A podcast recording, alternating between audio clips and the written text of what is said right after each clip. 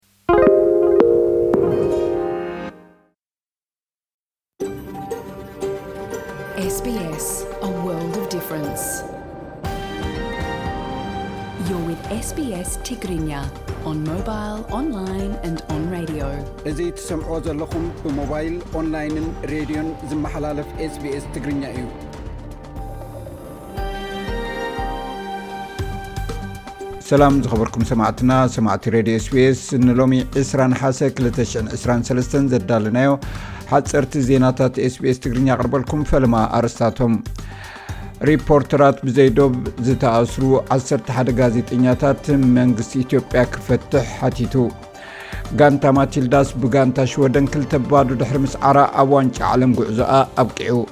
ኣብ መፋርቕ ናይዚ ዓመት ጀርመን ናብ ሃገራቶም ዝመለሰቶም ስደተኛታት ምስ ናይ ዝሓለፈ ዓመት ተመሳሳሊ እዋን ክነፃፀር ብ27 ሚታዊ ክብ ከም ዝበለ ተፈሊጡ ተፃዋቲት ጋንታ ማቲልዳስ ኮርኒ ኔቪን ዋላ እኳ ጋንታ ደቂ ኣንስትዮ ኣውስትራልያ ብሽወደን ክልተ ባዶ ኣብ ዋንጫ ዓለም እንተተሳዕረት እታ ጋንታ ብዘርኣየቱ ዓወት ከም እትሕበን ገሊፃ ራብዓይ ደረጃ ሒዛ ውድድራ ዝዛዘመት እታ ጋንታ ካብቲ ኣብ ክልተ ሽሕን ሸውዓተን ሻድሻይ ምውፃኣ ክወዳደር ኣብዚ ናይ ሎም ዓመት ዋንጫ ዓለም ዕብየት ከም ዘርኣየት እዩ ዝግለፅ ዘሎ። ጋንታ ማቲልዳስ ከተርእዮ ዝቐነየት መሳጢ ውድድራት ዋንጫ ዓለም ተዛዚምሉ ኣብ ዘሎ እዋን ኣብ መላእ ኣውስትራሊያ ዘለዉ ደገፍታ እቲ ንመጀመርታ ግዜ ኣብ ኣውስትራሊያ ዝተኻየደ ውድድራት ዋንጫ ዓለም ደቂ ኣንስትዮ እንታይ ሓድጊ ገዲፉ እዩ ዝሓልፍ ዘሎ ክብሉ ይሓቱ ኣለዉ። እዚ ዝኸውን ዘሎ መንግስቲ ኣልባኔዝ መሳለጥያታት ንምምሕያሽን ተሳታፍነት ንምብራኽን ብቀዳም ዓሰርተ ትሽዓተ ነሓሰ ክልተ ሚእቲ ሚልዮን ዶላር ምወላ ከም ዝግበር ድሕሪ ምግላጹ እዩ። ካብ ማሕበር ዞባ ምዕራብ ኣፍሪቃ ኤካዋስ ዝመፀ ልኡኽ ምስ ፕረዚደንት ኒጀር መሓመድ ባዙም ተራኺቡ ምስ መራሒ ጁንታ ጀነራል ዓብዱራሕማን ቲያኒ እውን ዝርርብ ኣካየዱ። እቲ ናይ ምዕራብ ኣፍሪቃ ጉጅለ ነቲ ኣብ ዝሓለፈ ወርሒ ዕስራን ሽዱሽተን ሓምለ ኣብ ልዕሊ መንግስቲ እተገብረ ዕልዋ መንግስቲ ንምምላስ ዲፕሎማስያዊ ጻዕርታት እዩ ዝገብር ዘሎ። ኣንጻር ቀዳማይ ሚኒስተር እስራኤል ቤንያሚን ናታንያሁ ዝቐንዐ ተቓውሞታት ንመበል ሰላሳን ሰለስተን ሰሙን ኣብ ተልኣቪቭ ተገይሩ። እቲ ዝግበር ዘሎ ተቓውሞ ነቲ ፍርዳዊ ኣካል እታ ሃገር ንምቕያር ዘውጽኦ ኣካታዒ መደብ ንዘይምቕባል እዩ። ኣብዚ ኣብ ሰሰሙን ቀንዲ መናሃርያ ናይቲ ተቓውሞ ምንቅስቓስ ኮይኑ ዘሎ ቦታታት ሰልፈኛታት ናይ እስራኤል ባንዴራታት እናንበልበሉ ድምጾም እናቃልሑ ከምኡውን ኣብ ማእከላይ ቴልኣቪቭ ክጭርሑ ተሰሚዕም ኣለዉ። ውድብ ሕብራት ሃገራት ነቲ ኣብ ዩክሬን እትርከብ ከተማ ቸርኒቭ ዝሃረመ ናይ ሩስያ ሚሳይል ሸውዓተ ሰባት ከም ዝቐተለን ካልኦት 129 ከም ዘቑሰለን ኣፍሊጡ ፕረዚደንት ቭሎድሚር ዘለንስኪ ኣብታ ሰሜናዊት ከተማ ሚሳይል ሩስያ ንሓደ ማእከላይ ኣደባባይ ኣብ ዘጥቃዓሉ እዋን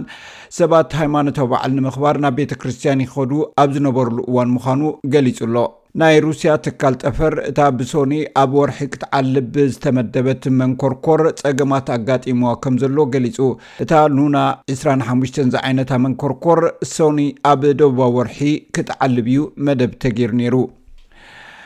ሚኒስትሪ ውሽጣዊ ጉዳያት ጀርመን ኣብ መፋርቕ ናይዚ ዓመት ጀርመን ናብ ሃገራቶም ዝመለሰቶም ስደተኛታት ምስ ናይ ዝሓለፈ ዓመት ተመሳሳሊ እዋን ክነጻጽር ከሎ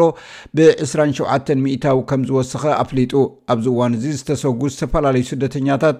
ኣስታት ሸውዓተ ሽሕን ትሽዓተ ሚእትን ኮይኖም፣ ካብዚኣቶም ሓደ ሽሕን ሸውዓተ ሚእትን ደቂ ኣንስትዮ፣ ኣስታት ሓደ ሽሕን ኣርባዕተ ሚእትን ድማ ህጻናት ይርከብዎም።